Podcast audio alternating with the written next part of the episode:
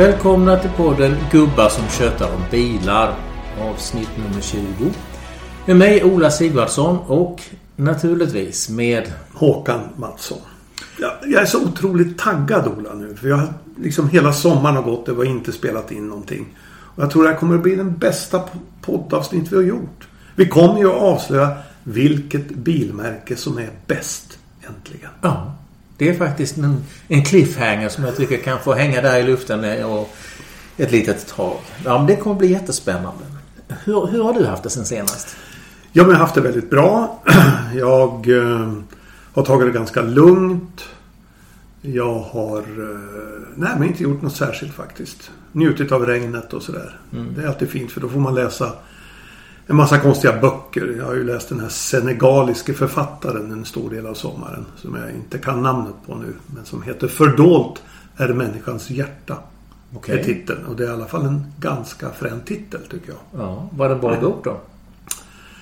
Det går inte att svara på den frågan tyvärr. Eh, den är ju väldigt eh, speciell skulle jag vilja säga. Ja, eh, alltså själv så har jag ju då ägnat mig åt, åt bilkörning. Det absolut roligaste som finns här i världen. Eh, vi har varit nere i Italien, kört fram och tillbaka. Och jag tycker att, att sätta sig i bilen på morgonen och liksom eh, ta tag i ratten, ge sig ut i trafiken, känna av rytmen, anpassa sig till den och sen veta att jag har ingenting annat jag ska göra hela denna dagen än sitta här. Jag tycker det är underbart. Så ner till vårt hus i Italien så kör vi, har vi 180 mil från Skåne och det tar vi på två dagar. 93 mil varje dag. Men är det inte dötråkigt att köra motorväg bara? Underbart. eh, ja, och sen efter Italien och eh, att ha varit där några veckor så åkte jag, vi åkte vidare till Amsterdam för att jag och sonen Oskar skulle titta på Formel 1 på Sandtvort. Och det var kul som vanligt. Eh, de började köra på slicks och redan första varvet så började det ösregna så att alla fick ge sig in i depån. Så det var totalt kaos och sen vann Verstappen. Så det var som vanligt. Ja, eh, det var länge sedan jag var på Formel 1 men jag tyckte det tappade lite grann när, när det blev så jämnt. Eller rättare sagt, det är bara några få som kan vinna. Det är inte jämnt. Och nu är det bara Verstappen som vinner som du säger. Mm. Mm, så är det. Men innan dess var det bara Hamilton som vann ju. Ja. Och dessförinnan var det bara Vettel som vann. Ja. Och dessförinnan var det bara Alonso som vann. Ja. Och Mikael Schumacher. Ja, vi ska, vi ska inte glömma honom.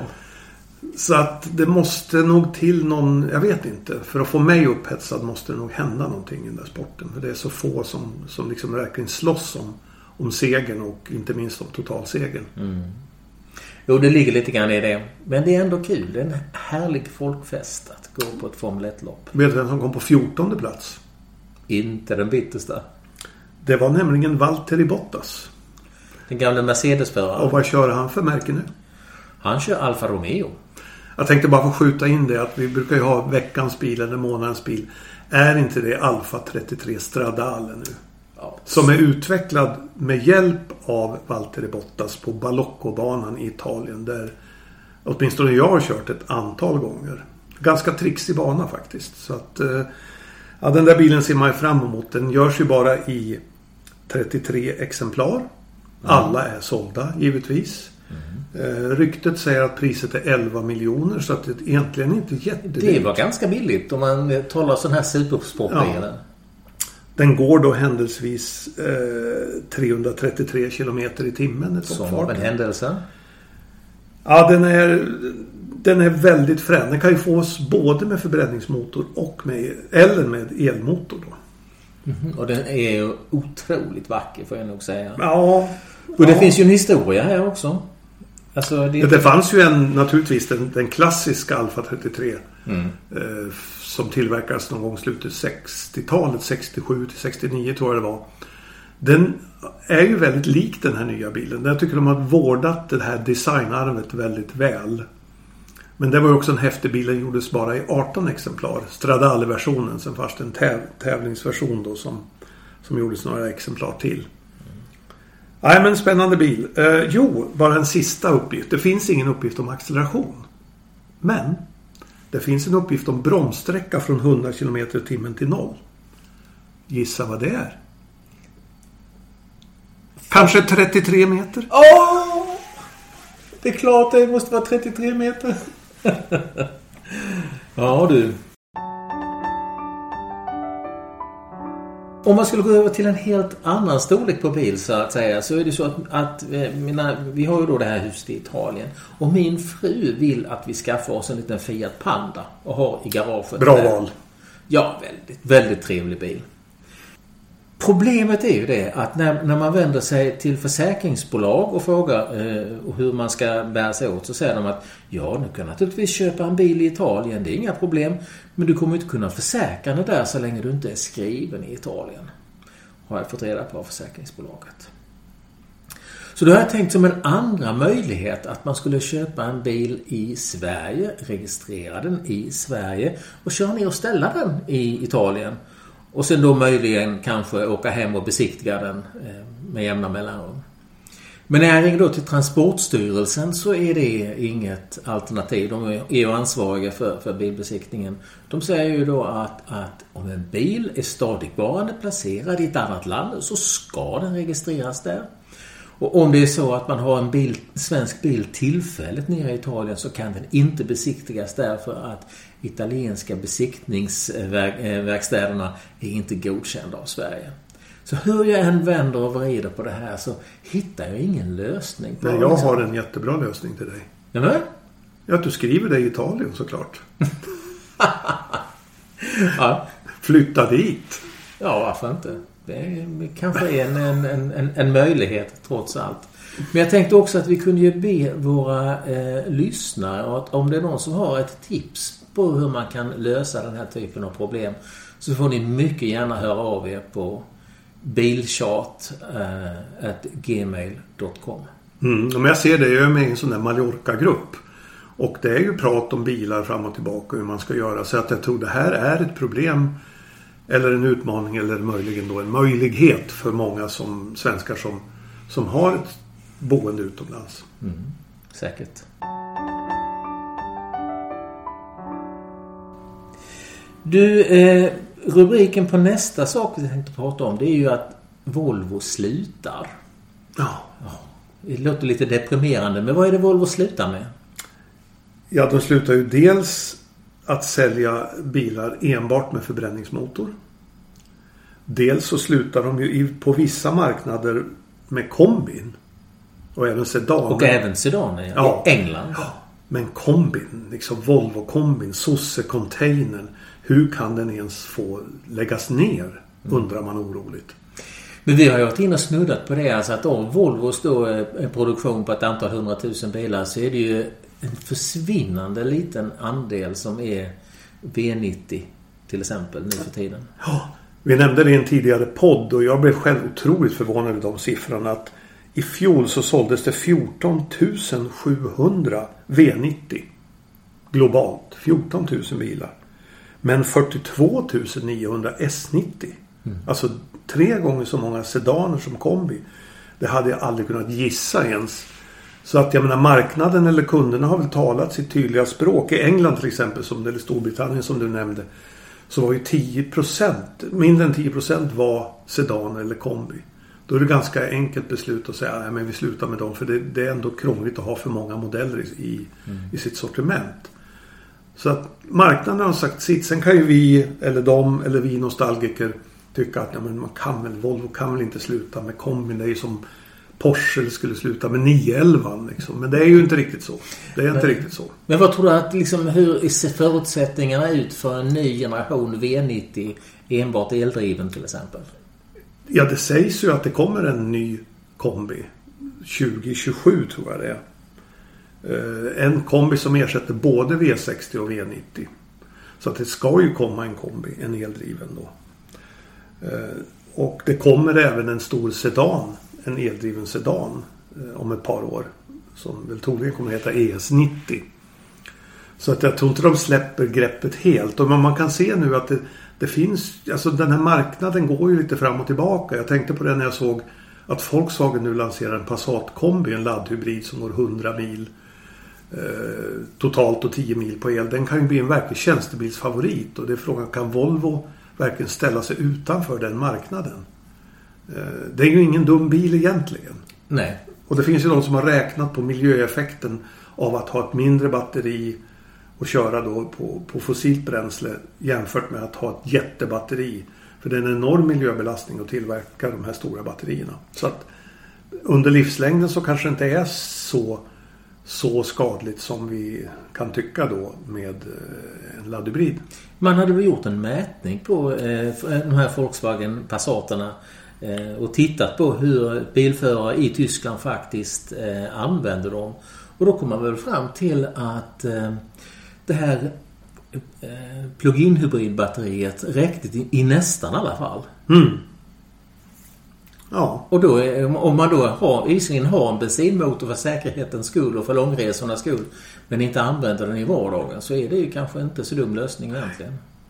Fast det är roligare med elbilar.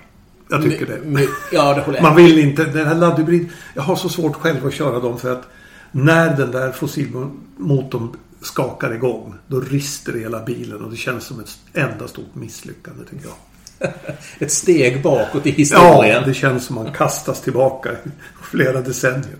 Men vad ska man säga om det då att Volvo som åtminstone första bilmärke jag känner till, traditionella bilmärke, skipar heldiesel och helbensin. Eh, är det dags för det nu?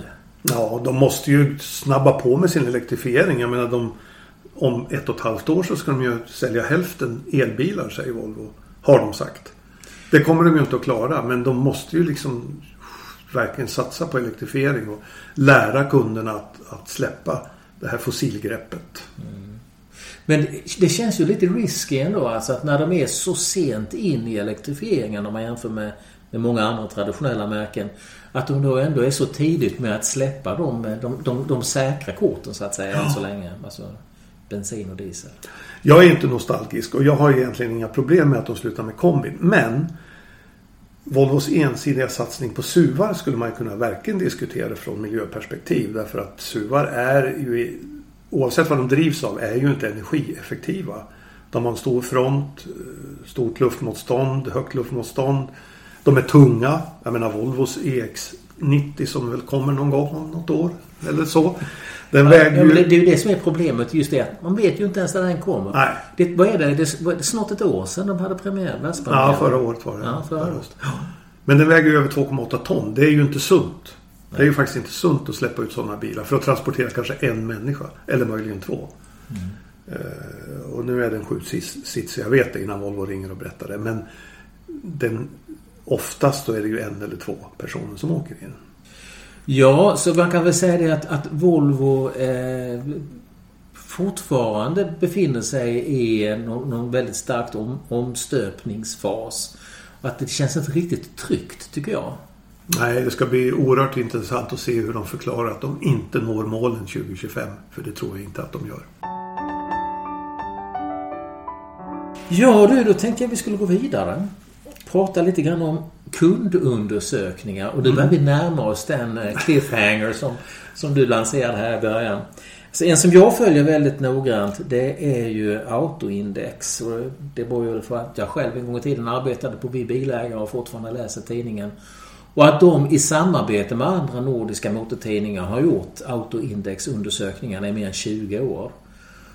Och just nu så är det alltså ungefär 17 500 privata bilägare som talar om sina högst fyra år gamla bilar och betygsätter själva bilen, dess kvaliteter också, egenskaper. Men sen också försäljningssituationen när de köpte den.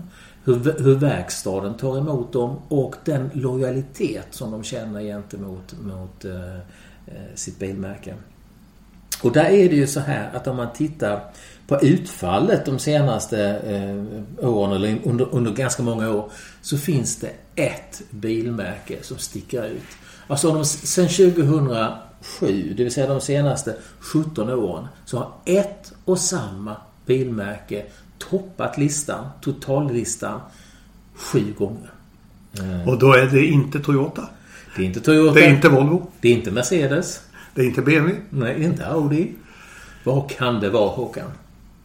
Ja, det är ju det märket som också toppar undersökningar från Consumer Reports i USA, Forbes i USA och även den här generalagenturen enkäten som görs varje år där bilhandlarna röstar fram bästa generalagent.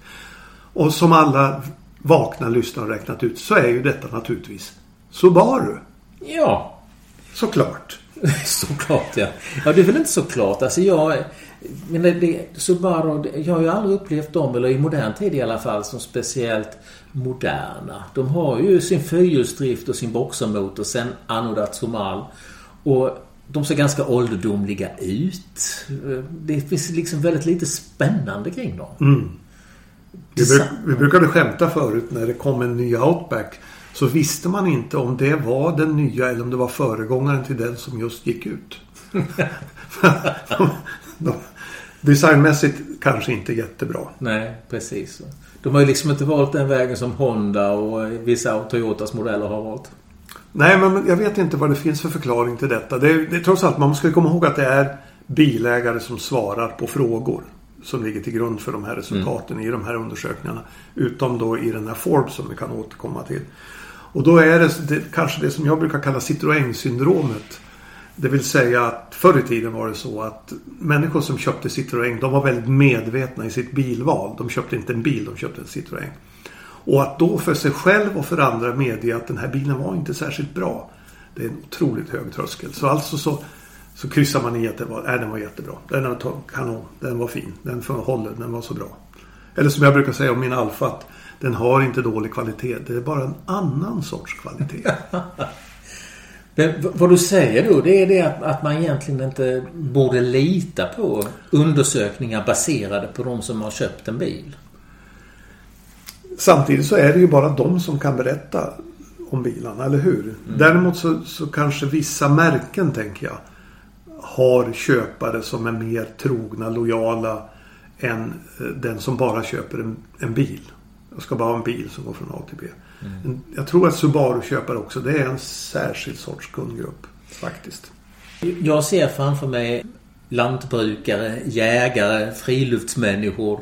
Den typen. Ja.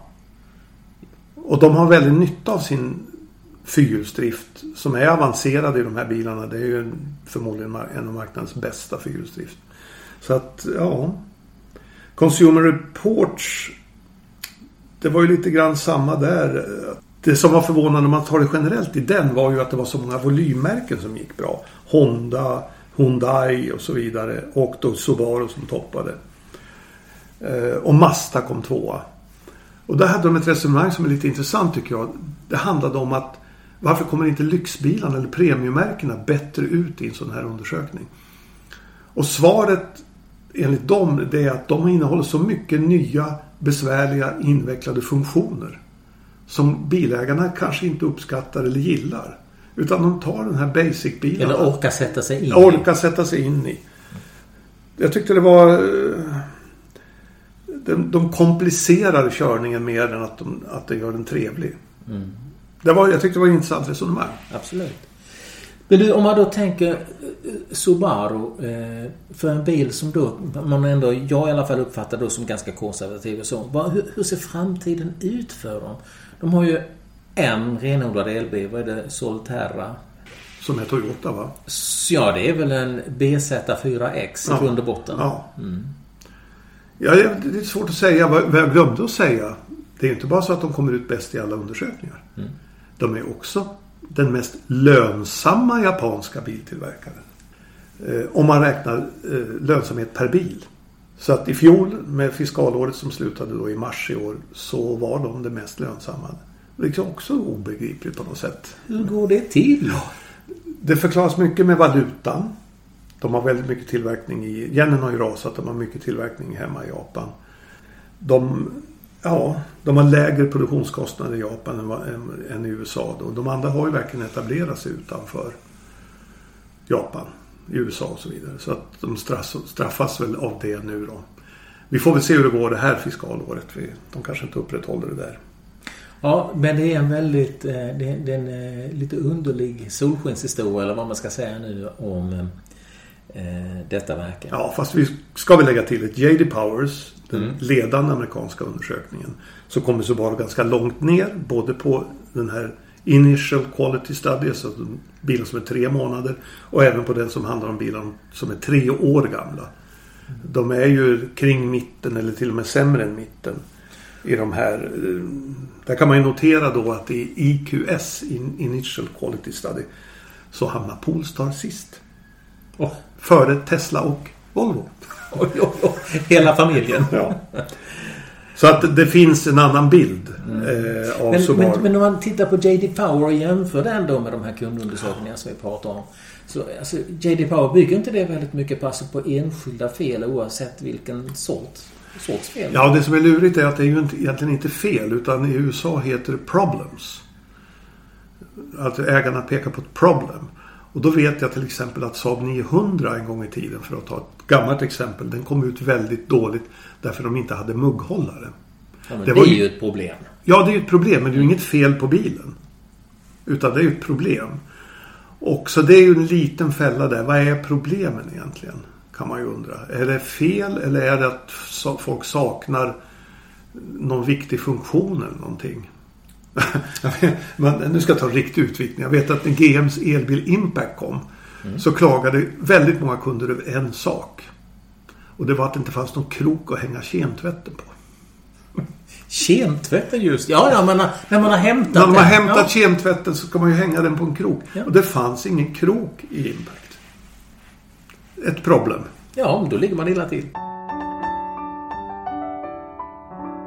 En av de stora grejerna under den tiden som jag var motorjournalist för länge sedan, det var ju det att man åkte på den ena bilsalongen efter den andra. Det var Paris och Genève och Tokyo och Detroit och ja, Frankfurt och så vidare och så vidare. Men idag ser det inte riktigt likadant ut på den här marknaden. Väldigt många av de här har ju helt enkelt lagts ner. Genève, den riktigt klassiska till exempel, den finns ju inte längre. Jo, den kommer tillbaka i vår. Den kommer tillbaka. Men den är ju, hålls ju nu i november i Qatar. Ja, nu blir jag bara förvirrad. Ja, så här, det Geneva Auto Show kommer att hållas i Qatar. Mm. I november, jag tror det är november. Men sen kommer, ska den komma tillbaka nu efter flera år i Genève till våren någon gång i mars. Okej. Okay. Men jag vet inte hur den kommer att se ut. Om den kommer att, jag tror den kommer att vara annorlunda uppbyggd. Den kommer säkert att vara enklare eller att man satsar mycket mer på mobilitet och sådär. Jag tror inte det blir den klassiska så att säga. I alla händelser, oavsett då att många har fallit ifrån och så vidare, så, så eh, pågår det ju just nu en av de riktigt stora bilmässorna, nämligen i München. Mm. IAA. Som alltid hölls i Frankfurt. Ja, som alltid hölls i Frankfurt, ja. Men eh, den är ju lite annorlunda, om jag har förstått det hela rätt, jämfört med hur det var en gång i tiden. Alltså när det gäller vilka som träder fram och är dominanta. För den klassiska tyska bilutställningen, eh, där har det ju alltid varit de tyska biltillverkarna som har dominerat. Mm. Men riktigt så verkar det inte vara den här gången. Nej, jag tror av 22 utställare så är sju kinesiska. Och det verkar som kinesiska bilindustrin har tagit den här IAA i München som en sorts startskott eller andra steg för att förbereda den stora invasionen till Europa. De har ju till och med lyckats lägga en sin årliga mobilitetskonferens i München i år. För första gången utanför Kina. Det hålls faktiskt just nu när vi spelar in det här. Och det kan man ju verkligen diskutera. Hur, varför, gör, varför gör tyska bilindustrin det? Varför tillåter tyskarna att kineserna kommer in glatt och får ha sin konferens i München? Och jag tänker så här att tyska bilindustrin de ser ju naturligtvis den kinesiska marknaden håller på att försvinna för dem. Många tappar ju i Kina och, och det här gäller att hålla goda relationer med Kina så att tyska bilindustrin får sälja i Kina. Men jag undrar om de inte lurar sig själva där för att kineserna kommer ju så starkt. Ju mer jag läser om det här så tror jag att det kommer att bli riktigt tufft. Du kommer ihåg vad Håkan Samuelsson sa när han var med i vår podd? Han sa ju att eh, vi får räkna med att många av de stora europeiska biltillverkarna faktiskt inte kommer finnas kvar om ett antal år. Ja, och jag tror han nämnde då och då Opel, Peugeot och Citroën. Ja, Stellantis-märkena i stort ja, sett. Men jag tror inte att premiummärkena går fri, säkra heller. Jag, jag tror det blir tufft alltså. För att man kan ju studera hur kineserna nu verkligen satsar och de har ju vapen som, som våra traditionella biltillverkare inte har. Ehm, de har ju alla råvaror på hemmaplan. De har ju 77 procent av batteritillverkningen i Kina. De har inte minst ett kostnadsläge som slår allt. Alltså en bil som säljs i Kina kostar 40 till 45 procent mindre än när samma bil säljs i Europa. Det betyder ju att de har stora marginaler att starta rabattkrig om de vill. Precis som vi har sett Tesla göra. Jag tror att kineserna, kineserna blir riktigt tuffa och då känns det som hål i huvudet att liksom bjuda in dem och ha konferensen i München och på något sätt legitimera deras närvaro i, i Europa. Men en sak, fri marknad, ja. Om kunderna väljer det, ja. Men att ta hit en politisk konferens. Mm. Ja. Men alltså det ligger väldigt mycket i det som du sa alldeles nyss, det vill säga kundernas val. Alltså, kineserna har ju ändå i viss mån försökt nu under några år att få in en fot och totalt sett om jag inte minns fel, så har de kinesiska bil, biltillverkarna samlat ungefär 3% av den europeiska marknaden. Och eh, då har man ju inte kommit särskilt långt. Nej, de är faktiskt uppe i 8%. Är de uppe i 8%? De var 4% året innan. Så de fördubblas så här hela tiden. Usch, mycket illavarslande. Ja, jag tror att, eh, och nu kommer de med mer konkurrenskraftiga bilar. Och de, som sagt, de har ett utrymme att slåss med priset. Det ska man inte, komma, det ska man inte glömma bort. Mm. Uh, ja, jag tror, jag tror det blir tufft. Jag tror det blir jättetufft.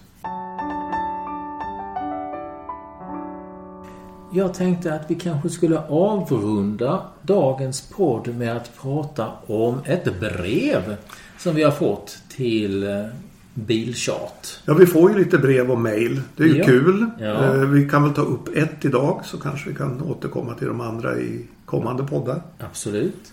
Och det är ju faktiskt från en av våra gamla kollegor.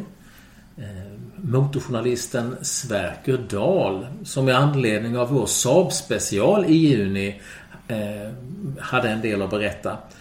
Vad han framförallt tyckte att vi då inte hade tagit upp det är det att Saab faktiskt under en period hade ett nära samarbete med Mazda.